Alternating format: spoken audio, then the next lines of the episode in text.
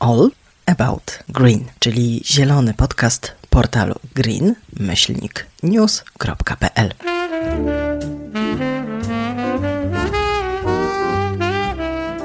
Tu znajdziesz najnowsze wiadomości o transformacji w energetyce, o OZE, elektromobilności, przemyśle, światowych trendach i tym, jaki mają wpływ na polską politykę i gospodarkę. Nie zabraknie też zielonej kultury. Dzisiaj w Green Podcaście będziemy rozmawiać o rowerach towarowych. A jak rowery towarowe w Polsce, to jeden samochód mniej, czyli Krzysztof Gubański. No i książka, e, która nas dzisiaj połączyła, Rowerowe Miasto. Holenderski sposób na ożywienie miejskiej przestrzeni. Dzień dobry. Dzień dobry wszystkim. Ostatnich 10 lat to w świecie rowerowym czas ogromnych przełomów. Jednocześnie obserwujemy wzrost zainteresowania produkcją, sprzedażą i dostrzeganiem przez władze potencjału, który drzemie w rowerach, ale nie dzieje się tak wszędzie. Na polskim podwórku zmagamy się z pewnymi ograniczeniami. Widzimy wyraźnie pewną dychotomię. Jakie jest jej podłoże?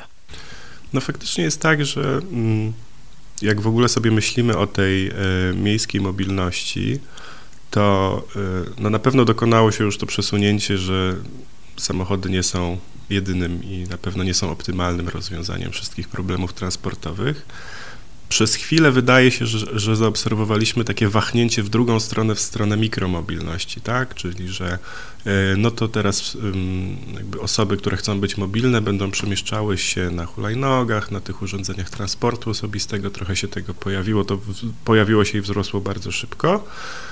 A rowery były tak, y, jak powiem, to była taka raczej pełzająca rewolucja, tak? Od, od, od zawsze były, ale y, wcale jakoś nie pojawiały się w tym dyskursie, że to jest takie innowacyjne, tak? Tylko raczej... Po macoszemu były. Po macoszemu były traktowane, ale i to na poziomie tam samorządowym, oczywiście z pewnymi wyjątkami, jak i na poziomie centralnym to w ogóle. Mm, no mamy obecnie taki trend na świecie, że jednak już e, wzięliśmy się też za te rowery, mówię my, to znaczy mam na myśli e, no, e, rozmaitych też graczy rynkowych, tak, i to nawet już koncerny samochodowe inwestują bardzo dużo w mobilność rowerową, która jest takim ogniwem pośrednim między tą mikromobilnością a tą taką dużą mobilnością samochodową. I, i też jest rozwiązaniem jakichś, jakichś kwestii, tak, to, to pewnie porozmawiamy za chwilę jakich. Mm, dlaczego w zasadzie to w Polsce jest takie y, niezauważalne?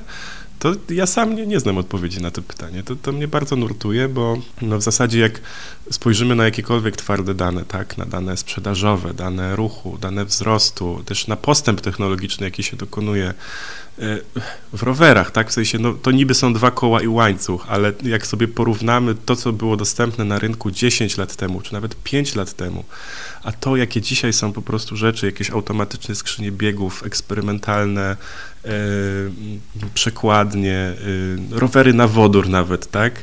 E, takie, takie pomysły, no to jest w ogóle nie do porównania i czy spojrzymy właśnie na Niemcy, czy na Skandynawię, Wielką Brytanię, Francję i tak dalej, Mm, nawet na Stany Zjednoczone, tam to też już jest trend, jeżeli chodzi o duże miasta, no to, to, to, to w zasadzie wskaźniki szybują w górę, tak? Używania tego, korzystania z tego, zainteresowania tym.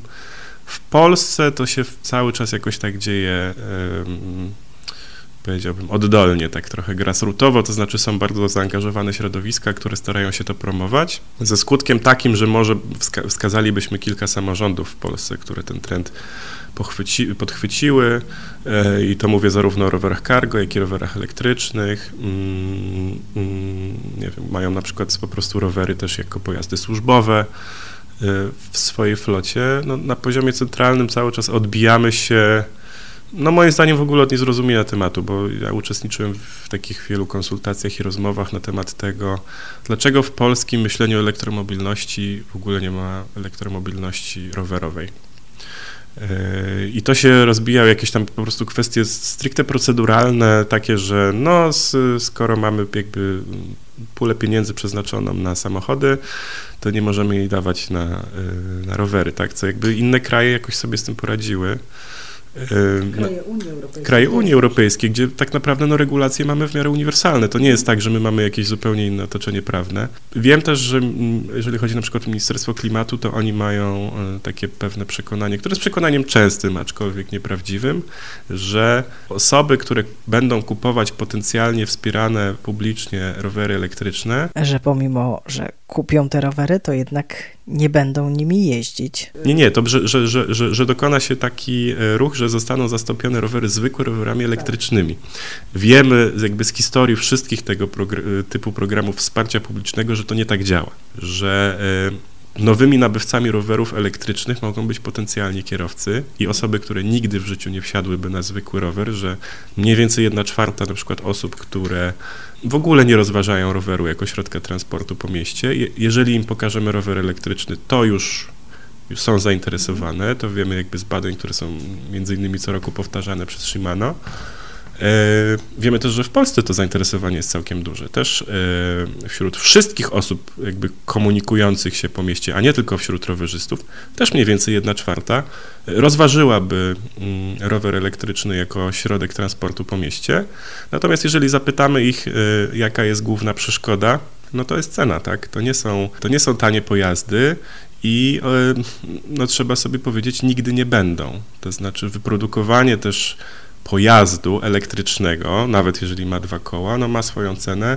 Wiemy też, jaka jest sytuacja na rynku baterii, że to przez jakiś czas taniało, ale teraz no, mamy nadzieję, że się przynajmniej ustabilizuje, a nie, będzie, nie będą znowu rosły te ceny baterii, tak? Więc, e, mhm.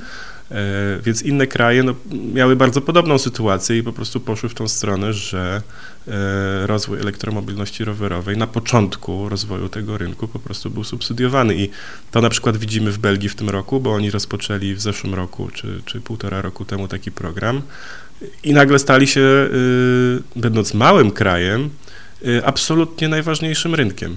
Niemcy to wspierali już wcześniej, ale w bardziej rozproszony sposób, bo tam są subsydia raczej y, samorządowe, no bo to wynika z też ustroju Niemiec, że to jest kraj federalny. Pomniejsze właśnie też raczej miejskie programy chyba są w Skandynawii.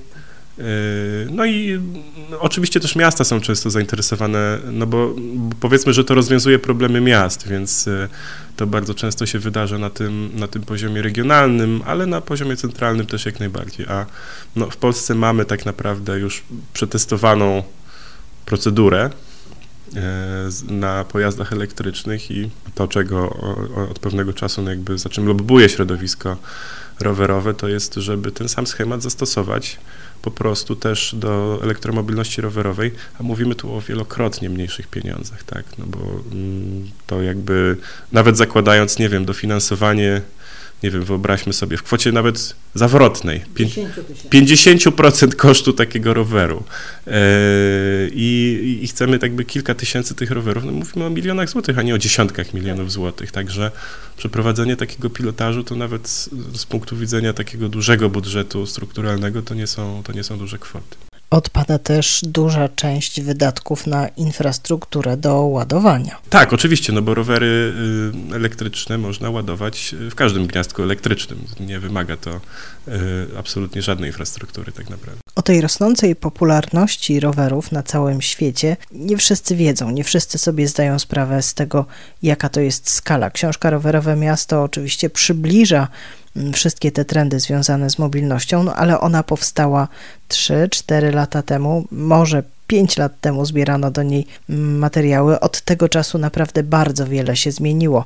Bardzo często w rozmowach o mobilności rowerowej, mikromobilności, nowej mobilności miejskiej pojawiają się takie mm, zarzuty, obawy, czy rzeczywiście rower jest w stanie spełnić te wszystkie funkcje. No i co z jego sezonowością. My się trochę przyzwyczailiśmy do tego, żeby myśleć o rowerze jako pojeździe, który dostarcza nam rozrywki, pozwala nam przejeżdżać e, większe trasy, ale raczej wtedy, kiedy jest ciepło. Okazuje się, to nie jest takie oczywiste. 3-4 lata temu najchętniej kupowanym świątecznym prezentem w Szwecji był rower elektryczny. Mm, mamy mnóstwo przykładów, badań, podsumowań z kilku lat e, wypożyczeń z wypożyczalni miejskich rowerów z całego świata, że jednak miesiące zimowe nas nie powstrzymują, nawet w takich y, zakątkach świata, w których ta zima naprawdę występuje. Tak, no to jest oczywiście kwestia pewnej, pewnej edukacji. Faktycznie jest tak, że y, tam, gdzie rowery są super popularne, czyli oczywiście Skandynawia, kraje Europy Północnej, no nie możemy mówić o tym, że cały, cały rok świeci słońce. E, jednym z najgorszych podobno e, miast do jeżdżenia na rowerze w Europie jest Rzym.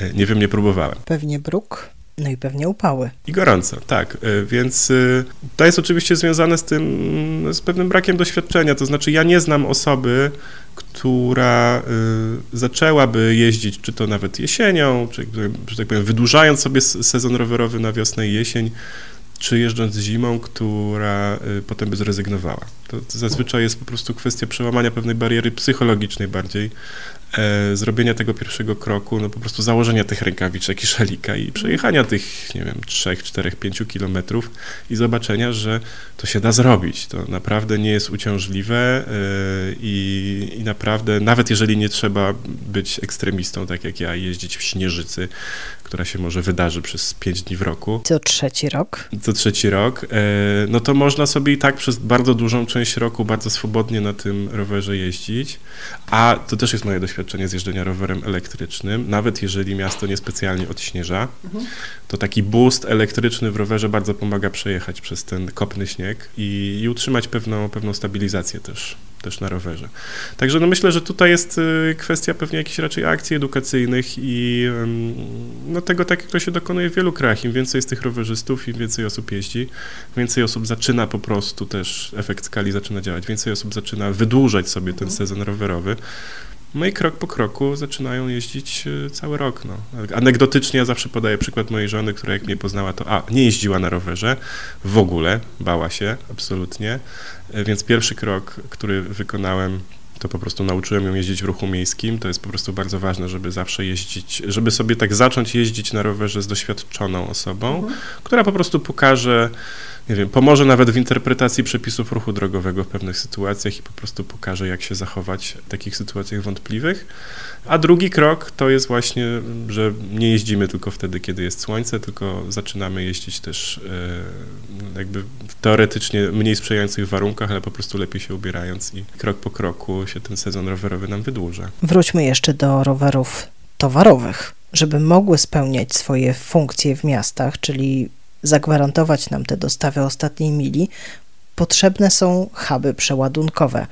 Ja kojarzę takie huby choćby z Oslo, ale one są też w innych miastach. Ostatnio internet obiegły zdjęcia takiego hubu przeładunkowego z Berlina. On wygląda fantastycznie. Tak, znaczy Berlin miał już y, więcej takich hubów przeładunkowych, tylko powiedziałbym bardziej ukrytych, mhm. bo y, są różne sposoby też rozwiązania tej kwestii. To znaczy, co to jest tak naprawdę hub przeładunkowy? To może być y, zwykłe klepisko, to tak. może być jakaś hala przemysłowa. To bardzo często jest też rozwiązanie takie mobilne kontenerowe, że się mhm. ustawia kilka kontenerów kontenerów. Oczywiście właśnie to, co Niemcy zaczęli robić, to jest zaczęli też dbać o estetykę tych, tych hubów, tak? To znaczy, że to nie jest tak, że tu w środku miasta zrzucamy teraz trzy kontenery i niech sobie stoją, tylko oczywiście jest zatrudniony też jakiś architekt do tego, który dba o to, żeby to też dobrze wyglądało, żeby cieszyło oko i żebyśmy nie mieli takiego zjawiska jak u nas z paczkomatami, że się nagle obudziliśmy, że mamy to wszędzie i to może nie wszystkim się jednak podoba. No, są to też czasami nawet zagospodarowane podwórka kamienic. Ja już kilka lat temu widziałem w Berlinie, jak to, jak to funkcjonuje, że, że jest po prostu wynajęte podwórko kamienicy i,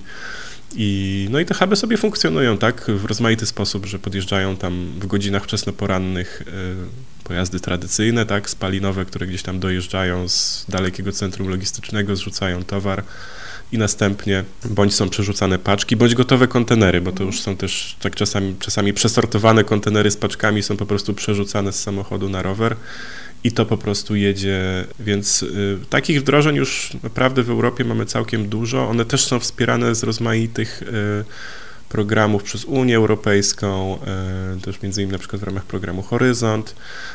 Y, chyba każde już naprawdę takie duże miasto zachodnioeuropejskie, też po Lizbonę, Londyn mhm. i tak mhm. dalej, ma, ma przynajmniej przerobiony pilotaż czegoś takiego. A jak wygląda finansowanie systemów rowerowych, systemów rowerowych opierających się o rowery towarowe. Czy w funduszu odbudowy one są widoczne? Czy łatwo uzyskać finansowanie na tego typu rozwiązania w miastach? Nie no, Funduszu Odbudowy, y, w sensie mówimy europejskim, tak, nie, nie, nie o polskim. To znaczy powiedziałbym tak, gdzieś tak w tych dokumentach strategicznych europejskich to się stricte pojawia, to jest wyrażone, że tak, że rowery towarowe, że alternatywna mobilność, czy huby. Mniej więcej rok temu Komisja Europejska przedstawiła projekt regulacji dotyczący inteligentnej, zrównoważonej mobilności. Tam rowery są bardzo widoczne. Dokładnie. Tak, i strategia w ogóle transportowa Unii Europejskiej, to, to tam się rowery towarowe pojawiają sensu stricto, tak, jako, jako takie e, rozwiązanie wskazane jako rozwiązanie promowane. W Polskim Zielonym Ładzie absolutnie nie. E, znaczy w ogóle nie mamy kwestii rowerowych w tych dokumentach strategicznych na polskim poziomie, ani w Nowym Ładzie, ani właśnie w Funduszu Odbudowy, mimo że to było zgłaszane na etapie konsultacji, to bardzo mocno było zgłaszane, bo naprawdę tych uwag o transporcie rowerowym pojawiło się sporo, to ta kwestia została zupełnie zepchnięta e, gdzieś na margines. Żeby oddać sprawiedliwość, to mogę powiedzieć, że e, tak samorządy mogą się ubiegać o wsparcie na infrastrukturę rowerową z tego samego koszyka, koszyka, z którego mogą się domagać o tramwaje. No więc y, trochę nie wierzę, że trochę nie wierzę, że tak powiem, że no jednak tramwaj wygra zawsze z, z, komunikacją rowerową. Zresztą słusznie, no bo to jest zupełnie inna liga transportowa. No nie można tego finansować po prostu z tego samego koszyka, bo to jest systemowe skazanie tych rowerów po prostu na niebyt. No, sam jakbym był burmistrzem, to też bym wolał tramwaje. W sensie, jeżeli mam do wyboru pieniądze na tramwaje i pieniądze na rowery, to przepraszam bardzo, ale biorę na tramwaje. A kwestie biznesowe? W ostatnich kilku miesiącach rozmawiałam na temat y, tego, jak można zagospodarować ten kapitał ludzki, który będzie, już jest na terenach pokopalnianych, no bo powiedzmy sobie szczerze, tych terenów pokopalnianych w Polsce przybędzie nam w najbliższym czasie. Ludzie ze Śląska, z którymi miałam kontakt, widzą potencjał w branży rowerowej. Oni szukają takich e, innowacyjnych e, rozwiązań, innowacyjnych branż, ale też branż, w których po prostu, którzy już są na rynku pracy. Trzeba im tylko trochę pomóc się przekwalifikować, dokwalifikować. Tak, to jest w ogóle coś, o czym się też zaskakująco mało mówi yy, i co można zawsze skontrastować z marzeniami o polskim samochodzie elektrycznym. Ale my już mamy polskie rowery elektryczne i, mapach, tak, i, jesteśmy, i jesteśmy Polska jest w ogóle jednym z czołowych eksporterów e, rowerów elektrycznych i rowerów w ogóle w Europie, tak? To znaczy mamy naprawdę dobry, rozwinięty przemysł rowerowy, który kwitnie, e, a w ogóle większość z tego idzie na eksport. Więc tak naprawdę mamy e, no jakby mamy ten rynek już, już, już w Polsce stworzony, tak? Mamy, mamy warunki do jego dalszego rozwijania. Też mamy kilka firm, które w Polsce się specjalizują po prostu w tym, że produkują albo duże rowery towarowe, albo osprzęt, na przykład chłodnie do rowerów E, mamy firmę z Wałbrzycha, mamy firmę ze Swarzędza e, i te rowery też idą na eksport. Są wysyłane po prostu tak naprawdę po całej, e, po całej Europie. Mm, no, może to zainteresować, no, powiem tak, wiem, że te firmy liczą, że właśnie, że samorząd się może tym zainteresuje, mhm. tak, że E, że chciałyby na przykład, żeby jakieś firmy w Polsce, e, przepraszam, jakieś samorządy w Polsce um, dla spółek komunalnych, tak, e, czy zajmujących się, nie wiem, czy to mhm. zielenią, czy jakimiś takimi drobnymi pracami w mieście, żeby takie rowery nabywały, bo też jakieś pojedyncze przykłady znajdziemy tam chyba w Poznaniu, jakiś taki rower jeździ, tak. tu Zarząd Zieleni w Warszawie też miał jakiś taki rower towarowy, więc, więc jaskółki są, no ale oczywiście nie mówimy cały czas o tym jako rozwiązaniu systemowym. Duże firmy muszą zazieleniać całe łańcuchy dostaw. Dotyczy to też y, transportu. To jest potencjał dla firm rowerowych, y, choćby firmy kurierskie przesiadają się, a w zasadzie przesiadają swoich kurierów y, na rowery towarowe ze wspomaganiem elektrycznym oczywiście. Spotykam się czasem z takimi opiniami, że no trochę współpracujemy współczujemy tym, którzy będą teraz musieli jeździć tymi rowerami, no bo przecież dużo wygodniej pewnie jest jeździć furgonetką. A to jest bardzo ciekawa kwestia akurat z tymi kurierami. E, faktycznie, e, bo jakby inaczej, na zachodzie to też już przerobili. E, I jest tak, że faktycznie kurierzy samochodowi nie chcą jeździć rowerami, nie będą jeździć rowerami. Bo są od samochodów, ale absolutnie żadna firma która robi to w dużej skali, nie miała problemów z rekrutacją kurierów na rowery. Naprawdę ludzie się garną do tej pracy, więc powiedzmy, że jest to troszeczkę inny segment pracowników, ale naprawdę tych pracowników znaleźć można bez problemu i jeżdżą cały rok i naprawdę im to nie przeszkadza. Poza tym faktycznie też już się coraz, y, jeżeli chodzi o te duże takie rowery towarowe, powiedzmy te takie tam no, czterokołowe już bardzo często, y, no to też się już myśli o tym komforcie kurierów. Tam są takie specjalne budki, jakby ochrona przed tym, specjalny strój i tak dalej, więc, y, więc to też nie jest problem. Po Londynie naprawdę dużo tego jeździ, a wiadomo, jakie to jest deszczowe miasto. No tak, no wiadomo, że to może budzić kontrowersje, jak wszystko, co jest nowe, tak? I to, że tak powiem, co ja się staram robić, prowadząc swojego bloga i media społecznościowe, to jest po prostu tłumaczyć, tłumaczyć, tłumaczyć, dostarczać wiedzę, bo najczęściej te wątpliwości wynikają, wynikają z niewiedzy, tak? No, ktoś widzi taki rower i na przykład nawet nie ma pojęcia, że to ma e, e, wspomaganie elektryczne, tak? I myśli, że taki kurier to będzie teraz te 300 kg własnymi nogami tutaj trenował i, i, i wjeżdżał tym pod górę. No absolutnie nie. No. Jeżeli jest tak, że y, te firmy, y, inaczej, jakby oddziały polskie tych firm zagranicznych robią te pilotaże w Polsce, wiadomo, że to się już tam udało wdrożyć na zachodzie, oni nieśmiało robią te pilotaże, żeby zobaczyć, czy to się w polskich warunkach sprawdzi. Ja sam bardzo jestem ciekaw szczegółowych danych, y, bo faktycznie jest tak, że na przykład polski rynek kurierski ma swoją specyfikę. I w ogóle każdy kraj ma swoją specyfikę, jeżeli chodzi o te kwestie dostaw, preferencji klientów, e, tego właśnie, jakie kurierzy robią trasy, no bo jak jest ruch zorganizowany w miastach. Więc to faktycznie jest coś, co trzeba przetestować. Na razie się niechętnie dzielą danymi. Mm, bardzo ciekawie byłoby zobaczyć właśnie, e, nie wiem, taką przykładową trasę takiego kuriera, ile on zrobi kilometrów, ile tych adresów odwiedzi. No, z zachodnich wszystkich pilotaży wiemy, że zawsze odwiedzi więcej niż kurier samochodowy, no bo wiadomo, jest bardziej elastyczny, szybszy, nie musi szukać miejsca parkingowego, e, więc y, to się naprawdę nawet bardziej opłaca, żeby tych kursów zrobić więcej, bo on i tak zrobi je, e, zrobi je po prostu szybciej, tak, niż, niż z tą furgonetką. Więc no na razie, tak jak mówisz, to są bardzo nieśmiałe próby, bo to tak naprawdę mówimy o tym, że nie wiem, no jakaś duża firma kurierska, co ma kilka tych rowerów, dziesięć i to jeszcze rozrzuci je po kilku dużych miastach, no, od czegoś trzeba zacząć, tak, ale no, mam nadzieję, że, jakby, że, to, że te pilotaże się przerodzą w jakieś takie już bardziej poważne wdrożenia, bo to też jest efekt skali działa, tak, to znaczy dopiero jak widzimy, jak to działa w większej skali, to widzimy też te korzyści, no bo im większa skala, tym większe korzyści. Często słyszę opinię, że paliwem napędzającym zmiany w miastach są dane. Z danymi w Polsce bywa różnie. Czasem jest tak, że uda się ich pozyskać całkiem sporo i na, na ich bazie stworzyć e, nowe rozwiązanie, dopracować jakieś do, rozwiązanie, ale tego paliwa bardzo często nie starcza nam na długo, włącza nam się rezerwa i musimy szukać e, od nowa danych, które pozwolą przystosowywać miasta do tych potrzeb, które zgłaszają mm, mieszkańcy, użytkownicy miast. No tak, y, no jeżeli chodzi o, tak powiem, dane zbierane przez same miasta, no to nie jest idealnie. Z drugiej strony ja mam takie empatyczne podejście, że też nie każdy musi się znać na wszystkim. E, jest dużo firm na rynku, które po prostu też, polskich firm, które oferują bardzo ciekawe rozwiązanie, jeżeli chodzi o to zbieranie danych. Wszyscy zawsze chwalą e, tą firmę, której nazwy nie pamiętam, ale która jakby też się zajmuje strefą płatnego parkowania w, w Warszawie i jakby tym polskim systemem tak naprawdę automatycznego zliczania. Teraz też, ponieważ w Warszawie jest rozszerzana strefa płatnego parkowania i są prowadzone pomiary ruchu, którymi Zarząd Dróg Miejskich dzieli się na przykład na konsultacjach społecznych. I to są bardzo ciekawe dane, bo oni są w stanie prześledzić na przykład, badając na przykład powtarzalność tablic rejestracyjnych, tak, bo te samochody jeżdżą wielokrotnie e, i oni są w stanie sprawdzić, e, na jak długo ktoś przyjeżdża podzielić tych kierowców na segmenty, na grupy, właśnie ci przyjeżdżający, dojeżdżający na chwilę, właśnie kurierzy, mieszkańcy.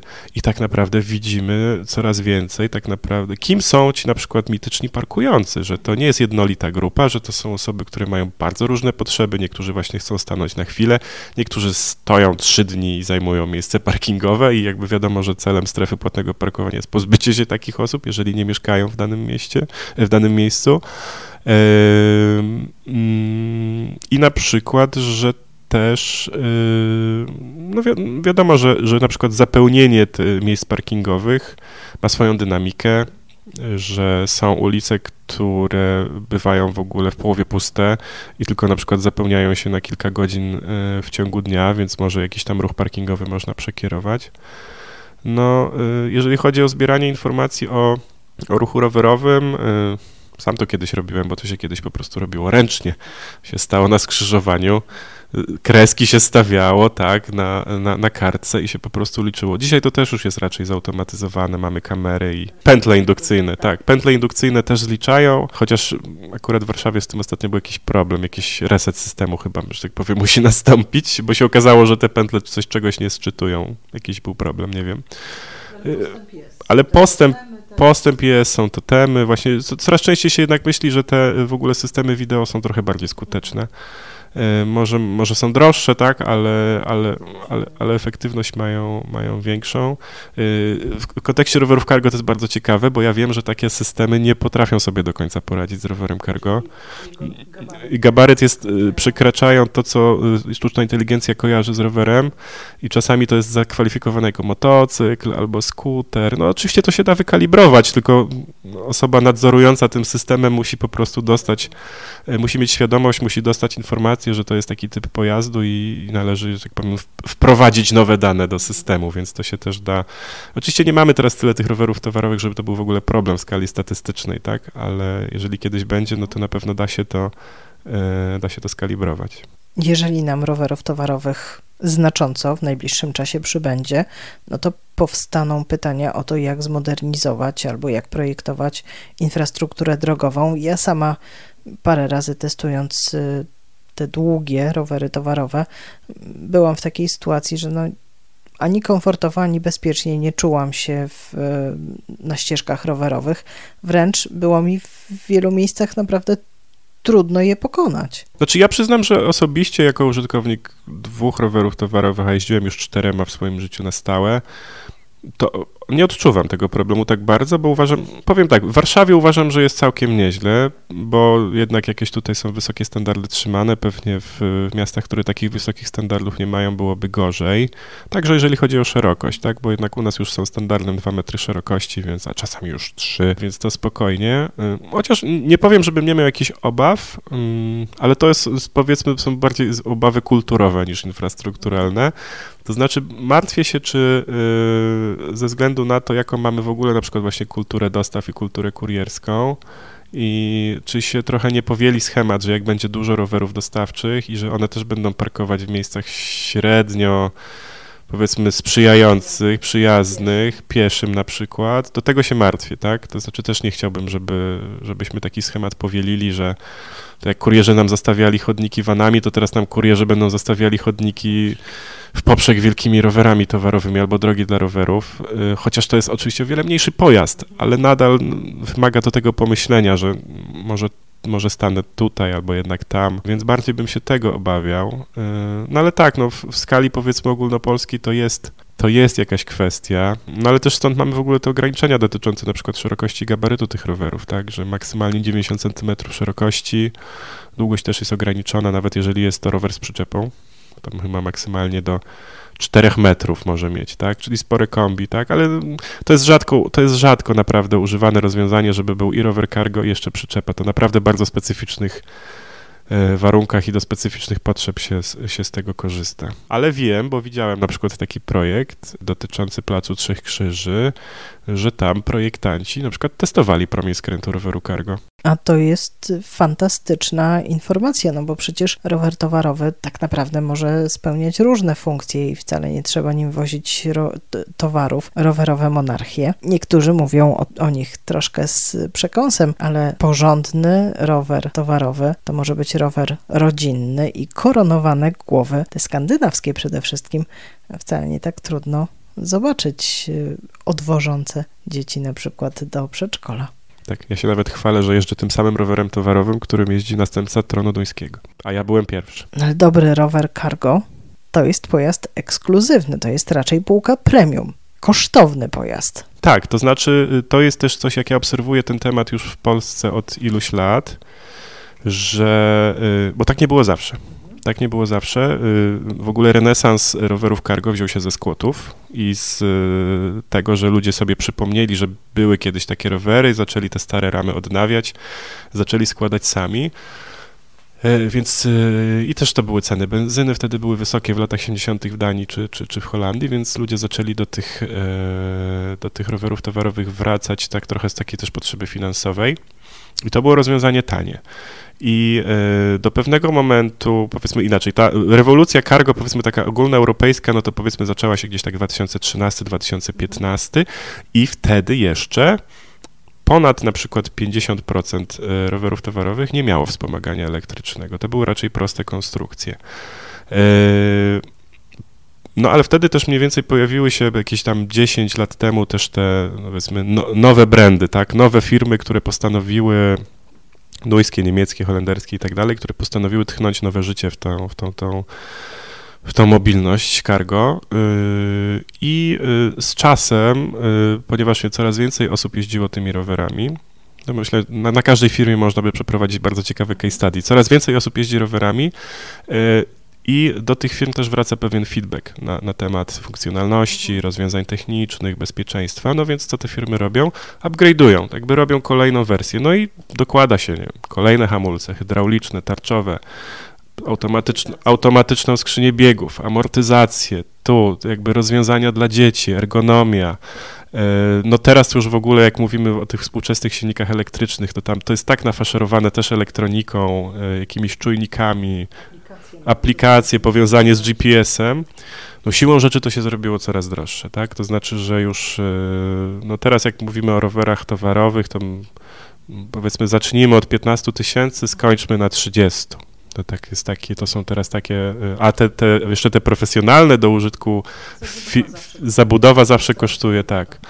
E, tego jest więcej i mimo, że skala produkcji rośnie, więc też w jakimś tam sensie te, te, koszty się obniżają. Oczywiście teraz przez pandemię się zrobił problem, no bo nie było komponentów jak w całym przemyśle rowerowym, więc się dosyć długo czeka też na te rowery, tak po, po 6 miesięcy średnio. No ale zrobiły, zrobiła się to półka premium. No powiedzmy w takim europejskiej, w europejskiej perspektywie popyt jest i to popyt zdecydowanie przewyższa podaż mimo powiedzmy tej wysokiej ceny. Oczywiście dla Niemca 30 tysięcy złotych w budżecie. To jest zauważalne, natomiast to nie jest bariera nie do pokonania. Ale jak sobie przeliczy koszty benzyny, z której zrezygnuje, koszty serwisu, czasu, tak, to to mu się opłaca, tak, te parę tysięcy euro wydać. Oczywiście jak my jesteśmy ofiarami kursu euro, który niestety rośnie i nam nie sprzyja, więc oczywiście w polskich warunkach to jest y, decyzja poważniejsza i też y, poważniejszy jeszcze, jakby zamożniejszy jest ten segment, który się na to decyduje.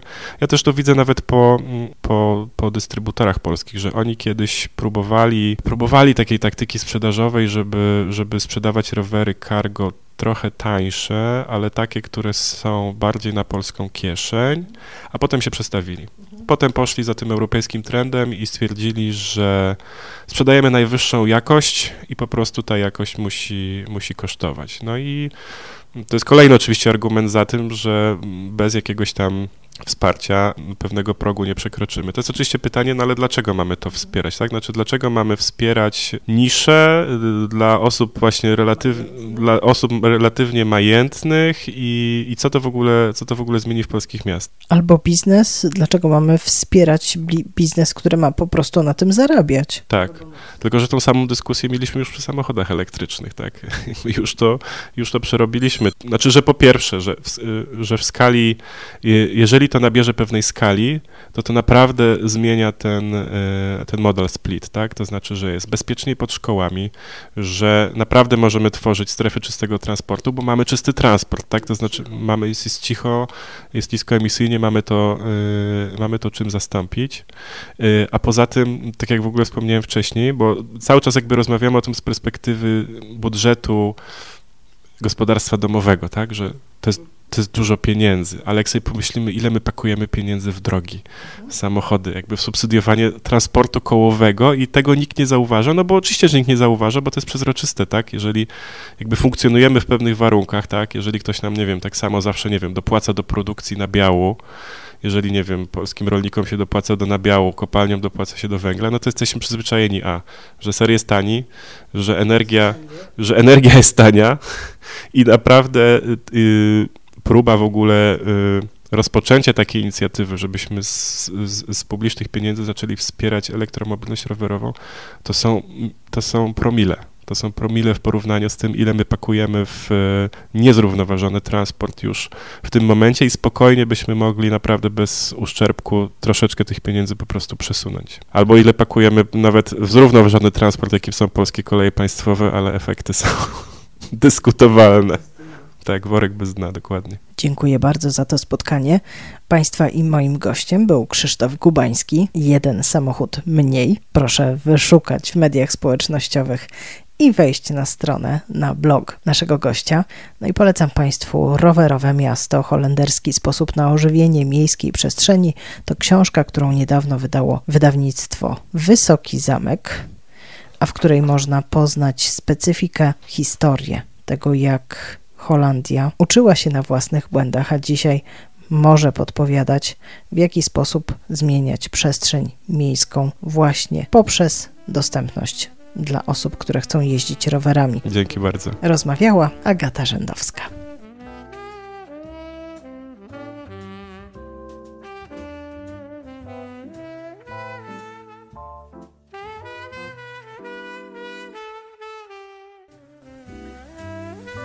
Więcej zielonych newsów znajdziesz codziennie na stronie green-news.pl. Jesteśmy też na Twitterze, Facebooku i Instagramie. Green Podcast wydawany jest przez portal greennews.pl. Co tydzień znajdziesz w nim najważniejsze zielone wydarzenia tygodnia.